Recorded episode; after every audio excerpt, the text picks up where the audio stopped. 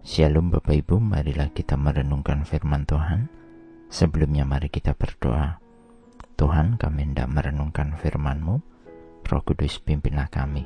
Di dalam Tuhan Yesus kami berdoa. Amin. Bacaan saat ini diambil dari Lukas 6 ayat 36. Lukas 6 ayat 36. Hendaklah kamu murah hati, sama seperti Bapamu adalah murah hati. Murah hati mempunyai makna penyayang dan pengasih, suka menolong dan baik hati. Perikop bacaan saat ini mengajarkan kita hal tentang mengasihi.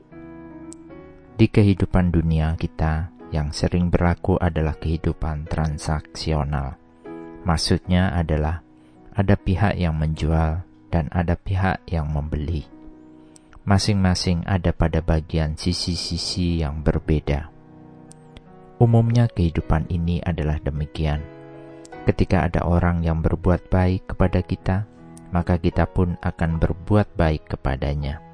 Ketika ada yang berbuat jahat kepada kita, maka kita akan berbuat jahat pula kepadanya.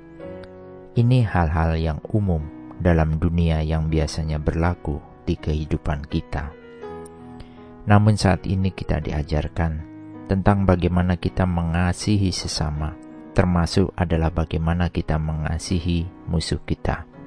Perikop bacaan dari Lukas 6 ayat 27 hingga 36 ini secara jelas mengajarkan bagaimana sikap yang berlaku sebagai orang percaya, di mana kita diminta untuk mengasihi musuh, meminta berkat bagi yang mengutuk, berdoa bagi yang mencaci, memberi kepunyaan kita, dan tidak membalaskan kejahatan. Ini menjadi bagian pembeda kehidupan orang percaya. Apakah bedanya kita sebagai orang percaya jika kita melakukan hal tindakan transaksional seperti kehidupan dunia? Di bagian akhir dari perikop mengasihi musuh ini, dijelaskan kenapa kita harus bertindak demikian. Bertindak tidak sama dengan dunia, yaitu karena kita diminta belajar seperti Bapa yang mengasihi kita, Bapa yang bermurah hati kepada kita. Sesungguhnya kita adalah pribadi yang tidak layak menghadiri hadirat Tuhan. Kita yang penuh dosa, jauh dari kelakuan yang berkenan kepada Tuhan.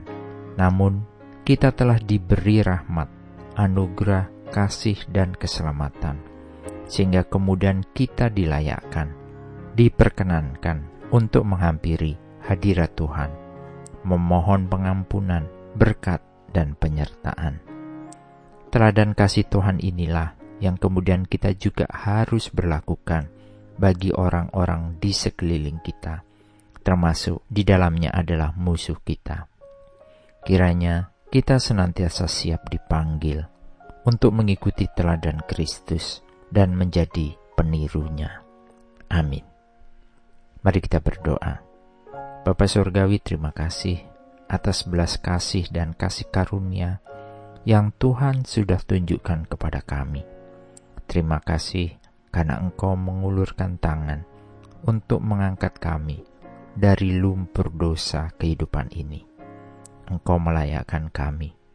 Ajari kami agar rahmat kasih Tuhan mengalir dalam diri kami, sehingga kami dapat berbelas kasih seperti Engkau juga penyayang kepada kami.